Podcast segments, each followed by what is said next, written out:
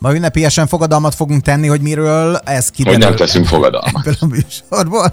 Köszöntöm a hallgatókat, csak 10 perc rovatot hallgatják, amit visszahallgathatnak mindig a www.csak10perc.hu keresztül, írva is és számmal is különben az oldal megtalálható.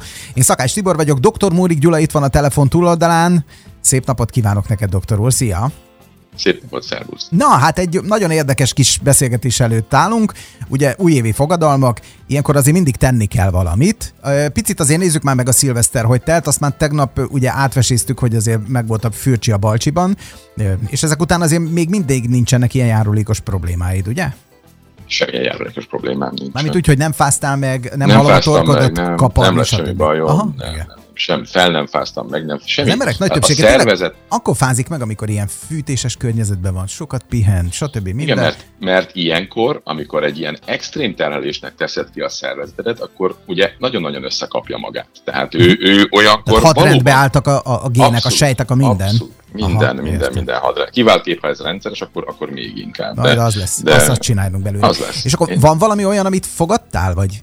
Nem, én nem fogadtam semmit. Én, nekem az volt a lényeg, hogy nem fogadok semmit az ég a világon, nem megyek bele ilyen babonás történetekbe. Miért de van mondom, az, hogy most ilyen annyi ilyet sem. látok? Tehát, hogy az ember rámegy ezekre a közösségi portálokra, oldalakra, és akkor látja azt, hogy ezt megfogadom januártól, gyerekek, szétfeszítjük az edzőtermet, lefogyok 11 kilót, stb. stb. Ez, Ez körülbelül van. tart így január hónapban, februárra már mindenki milyen így hamukázik. Hamukázik. Szerinted mennyi az újévi fogadalmaknak a bukás oh, rátája? Szerintem majdnem 100 százalék. Tehát... 90 sok, igen. igen? Tehát majdnem 100 százalék. Így van. Várjál, mert van két csapat. Pontosabban hát több, több, több csoportra osztható ilyen szempontból, legalább háromra. Az első csoport az nem is tesz fogadalmat.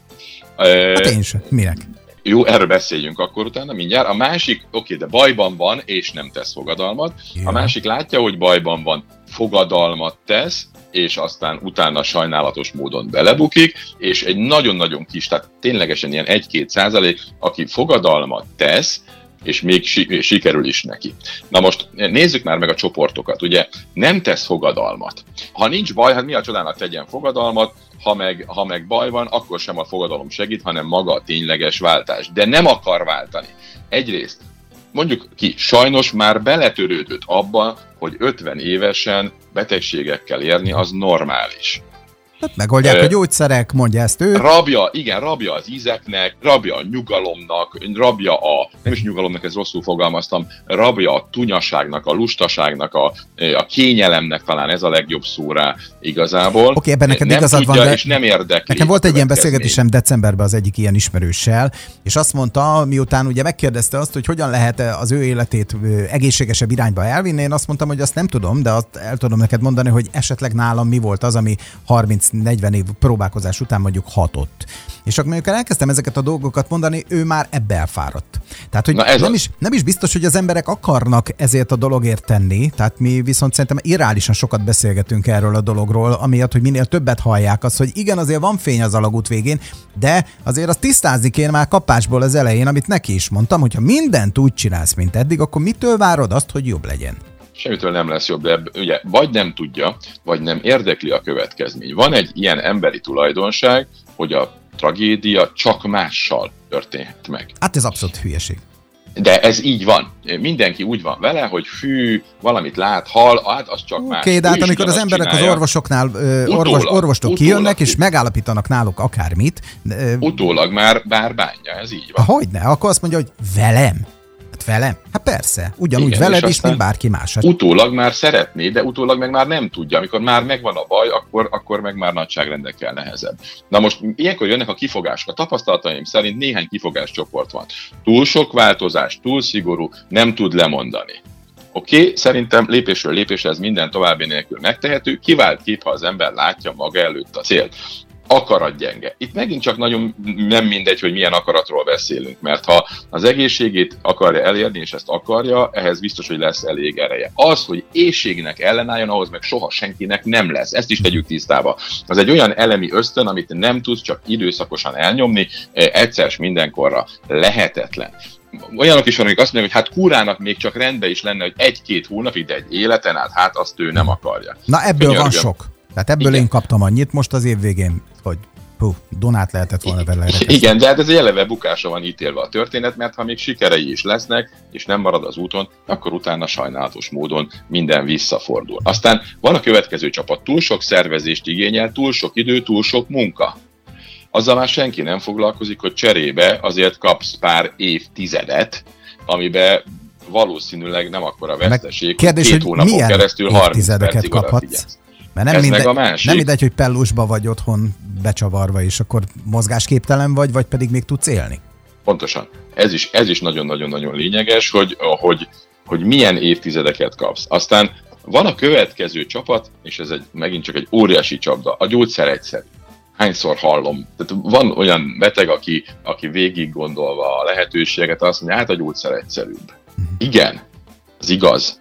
Csak egy emberi szervezet, amikor már magától nem képes megoldani problémákat, amikor már gyógyszert kell szednie, akkor már minden a gyógyszereken múlik, és ezek kémiai anyagok, a szervezet pedig ösztönösen alkalmazkodik ezekhez egy idő után, ugye mindig váltani kell, váltani kell, és a helyzet nem, hogy nem javul, hanem rosszabb lesz. Jó, de másik oldalról mit hallunk? Tökéletesedik az orvostudomány, új gyógyszereket találnak fel, egyre jobbak a gyógyszerek, hát akkor végül is, ha egyre jobbak a gyógyszerek, akkor egyre lazábban lehet venni az életet, ez szerint a felfogás szerint, és ezért engednek meg az emberek maguknak egyre több mindent, hiszen már egy sokkal lazább életvitelhez vannak az új gyógyszerek méretezve. Aha, csak egy dolgot felejtettél ki ebből az összehasonlításból. Egyre jobbak a gyógyszerek, csak hogy egyre jobbak a betegségek is. És ez egy hatalmas versengés, amiben, hagy mondjam, hogy amióta modern gyógyszerek vannak, amióta követjük egyáltalán azt, hogy az emberek meddig élnek, stb. stb. stb. Amióta ezek a modern méréseink vannak, azóta soha még nem fordult elő, hogy egymást követő években, ahogy ugye egyre jobbak a gyógyszerek, a várható élettartam ne csökkenne. Tehát magyarán szólva, a gyógyszerek, a módszerek mindig a betegségek előtt jártak. Kettő éve van az Egyesült Államokban egy olyan index, ami a várható élettartamot jelenti, amit ott, ott nagyon komolyan vesznek, és, és, és publikálják, és mérik, stb. stb. stb. Mióta a mérés létezik, mióta a modern orvostudomány létezik, azóta soha nem volt olyan, hogy a születéskor várható élettartam az csökkenésbe fordult volna. És két éve megtörtént, azóta csökken a születéskor várható élettartam. Ez azt jelenti, hogy azok a korságok, amelyek bennünket tizedelnek, és ez egy fontos, hogy COVID-tól tisztított adat, tehát nem, nincs benne a COVID hatás, tehát azok a korságok leginkább krónikus betegségek, amelyek bennünket most már érdemben tizedelnek, ugye 90%-a az embereknek ebben hal meg, azok egyre jobbak.